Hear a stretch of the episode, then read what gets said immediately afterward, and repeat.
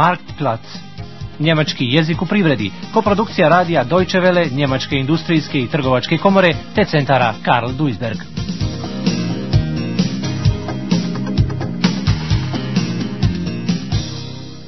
Druga lekcija.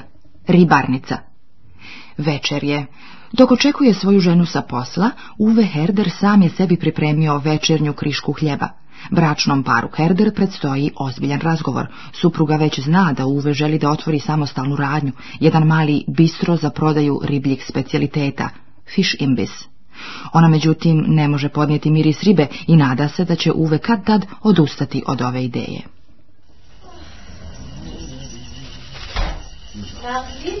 Ah, hallo Schatz. Ja. Oh, du hast ja schon gekocht. Aber klar doch. Und, was riechst du? Jedenfalls keinen Fisch. Naja, Fisch bekommst du in den nächsten Jahren noch genug. Aber stell dir vor, im Supermarkt gab es heute Rinderfilet im Angebot. Ich habe schöne kleine Spitzen geschnitten und eine Soße aus Pilzen, Steinpilzen gemacht. Ähm, Salat ist auch schon fertig. Uwe je već pronašao prikladan poslovni prostor, pasenden laden, za njegov budući poslovni poduhvat. Uzgred, prodavnica ribe je na veoma povoljnom mjestu. Njegova supruga Margot je očajna. Ona ima osjećaj da se njen suprug uvijek osjeti na ribu. No Uve ne sumnja u ispravnost svoje odluke. Kao prvo, on je završio za kuhara i to je posao u koji se on razumije. Kao drugo, ovaj posao će mu pričinjavati zadovoljstvo, Spaß I kao treće, cijela stvar ne zahtjeva visoke investicije. Hohen Investitionen. Aber Schatz, darüber haben wir doch schon stundenlang diskutiert. So ein Fischimbiss ist etwas, was ich kann, was mir Spaß machen wird und was nicht so hohe Investitionen verlangt. Und dieser Standort ist der beste, den ich in dieser Stadt finden konnte. Ach komm, lass uns essen. Ja. Sag mal, warum ist eigentlich der Hauseigentümer da am Kirchplatz mit dem Fischgestank einverstanden? Ach nun, glaub mir doch, es gibt heute Filter und Belüftung, da riechst du fast nichts. Und das ist auch ein Argument, um Kunden zu gewinnen. Ja, keiner will nach dem Essen nach Hause oder ins Büro und stundenlang nach Fisch riechen. Aha, Fischgeschäft mit Lavendelatmosphäre. Das habe ich ja noch nie gesehen. Ich mein, gerochen. Naravno da neće biti mirisa ribe ako Uve ugradi moderne filtere i ventilaciju. Filter und Belüftung. Hoće li mu njegova radnja donijeti dobit? Pa riblje salate i različite konzerve sa ribljom hranom on može nabaviti u odgovarajućem odeljenju svakog supermarketa. Skoro uvijek se sa pulta sa ribom može uzeti neka sitnica koja se može pojesti stoječke, na brzinu i jeftino, nimalo skupo. Ali kako pridobiti mušterije kad vlada velika konkurencija? Uve je odlučio da uči od drugih. Tako je počeo da razgovara sa vlasnicima dvije prodavnice najkvalitetnije ribe, u čijem sklopu je jedan bistro sa fast foodom gospođe Erf i gospodina Šaltea. Da bi bio siguran, snimio je sve što su mu rekli na jednu traku. O izboru dobravljača robe, Liferanten, gospođa Erf, koja je već dugo se bavi ovim problemom, rekla je sljedeće. Also, ich habe die Frau Erf und den Herrn Schelte gefragt, wie sie das mit ihren Lieferanten halten. Das ist ja die ganz entscheidende Frage. Äh, pass auf, Margot, diese ja. Gespräche kommen jetzt. Also die Frau Erf hat nur einen Lieferanten für den Frischfisch. Also wir haben nur einen Lieferanten aus dem Grunde, der kennt uns schon lange, wir kennen ihn. Wenn ich irgendeine Reklamation oder was habe, wird sofort getauscht. Der weiß, was ich haben will. Wenn ich bestelle, das muss alles frisch und gut sein. Gospođa Erf ima dobrog dobavljača, njime je zadovoljna. Ukoliko se pojave reklamacije, reklamationen, roba se odmah zamijeni, die Ware wird getauscht. Ukratko, problema nema. Štefan Šelte, vlasnik druge ribarnice, smatra opet da je potrebno imati više dobavljača.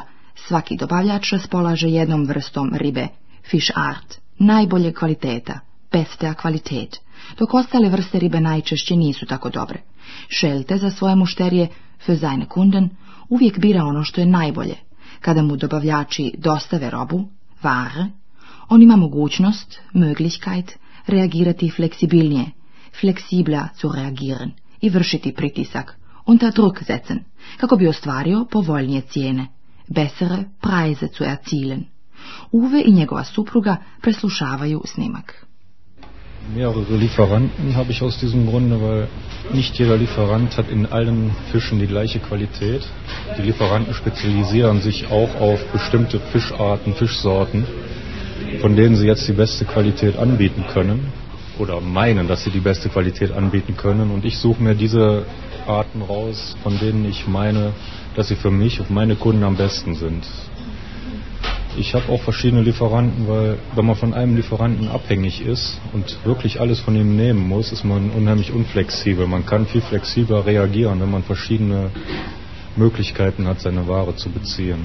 Man kann die Lieferanten auch unter Druck setzen, damit um bessere Preise zu erzielen, indem man halt sagt, hör mal, dein Kollege, der bietet das aber viel günstiger an. Man, der, der Lieferant weiß, er kann nicht alles mit einem machen, er kann nicht jeden Preis verlangen, um, um seine Ware loszukriegen.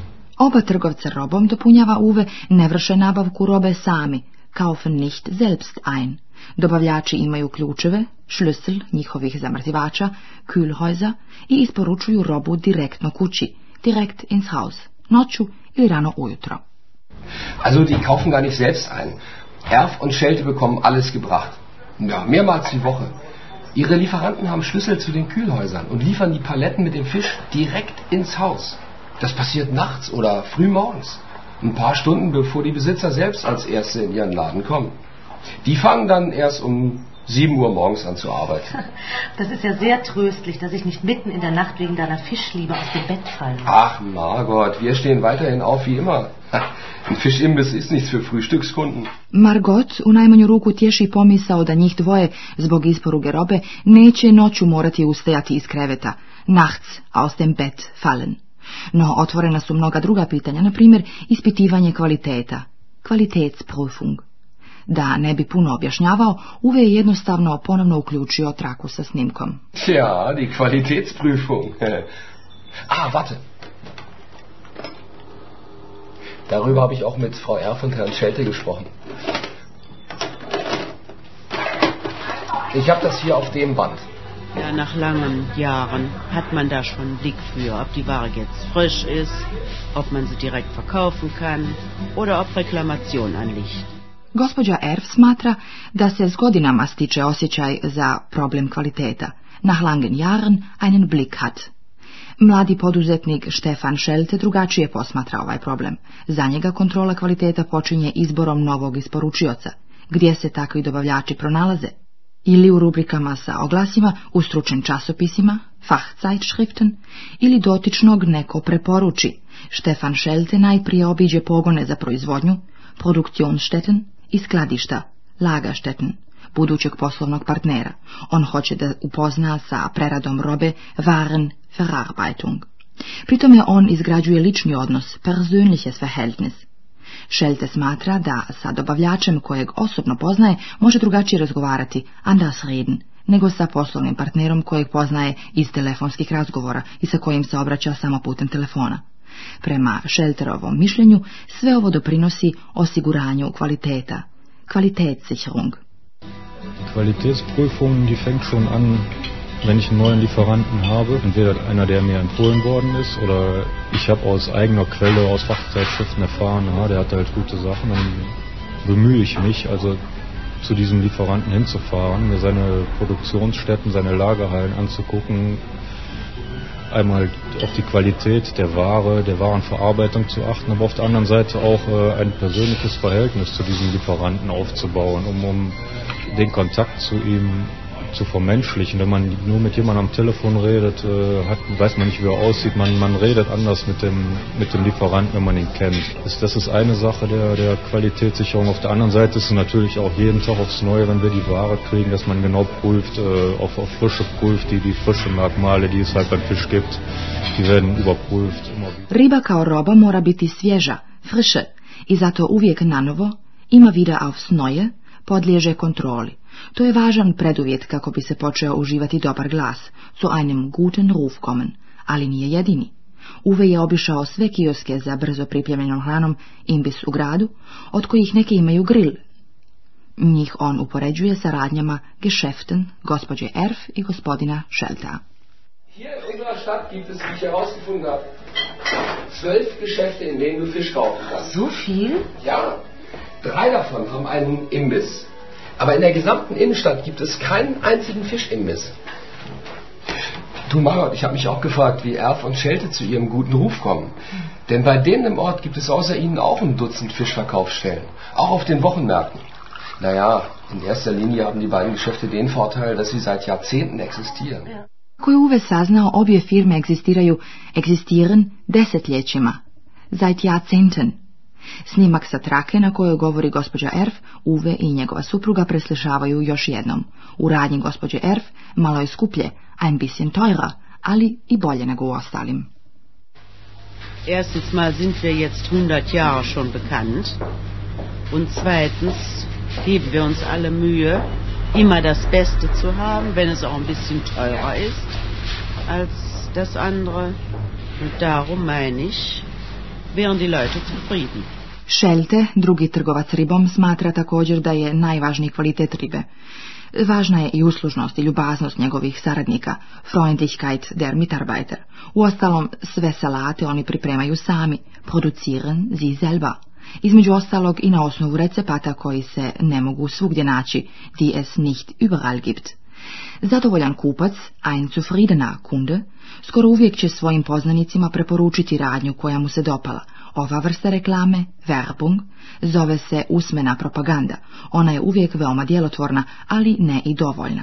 Stoga bi se Uve sa svojom suprugom želio posavjetovati kako da koristi novinske reklame, Zeitungswerbung. Unser guter Ruf, der beruht auf der Qualität, dem Service, der Freundlichkeit unserer Mitarbeiter, ganz allgemein gesprochen, wobei wir Qualität im Vordergrund stehen haben, neben der Beratung, der Freundlichkeit. Der stärkste Faktor, der da zu beachten ist, meiner Meinung nach, ist, dass wir sämtliche Salate oder auch in unserer Imbissabteilung unsere Waren alle selber produzieren, von der Rohware bis hin zum fertigen Produkt auf den Tisch bringen. Und von daher denke ich mal auch, äh, wir selber hinter diesem Produkt stehen und wir Produkte haben, die es auch nicht überall gibt. Iako njegova radnja postoji već dugo, Stefan Schelte redovno, regelmäßig, objavljuje ograse u novinama Zeitungsanzeigen. Ovaj privatni poduzetnik smatra da se time povećava stepen prepoznatljivosti, Bekanntheitsgrad, njegove prodavnice. Štefan Šelte pred Uveom nema tajni. On s njim razgovara o receptu za uspjeh, pošto on, Uve, ne vidi konkurenta nego kolegu. Obojice žive u različitim gradovima i svaki ima svoje tržište i svoju klijentelu. Eine Frage, die ich noch mit dir besprechen wollte. Ja. Zeitungswerbung. Also Werbung außerhalb des Geschäfts. Selbst so bekannte Geschäfte wie R von Schelte verzichten nicht auf Zeitungswerbung. Hier, hör mal, was der Herr Schelte dazu sagt. Wir brauchen natürlich auch äh, Kunden, die jetzt nicht per Mundpropaganda angesprochen werden. Die müssen wir auch irgendwie ansprechen und da setzen wir oder schalten wir natürlich Zeitungsanzeigen regelmäßig auch, um, um den Bekanntheitsgrad auch in der Bevölkerung zu sichern und so neue Kunden zu uns in den Laden zu locken. Poželimo Uveu puno uspjeha, prije svega što je napravio prvi i ujedno najteži korak za ekonomsko osamostaljivanje.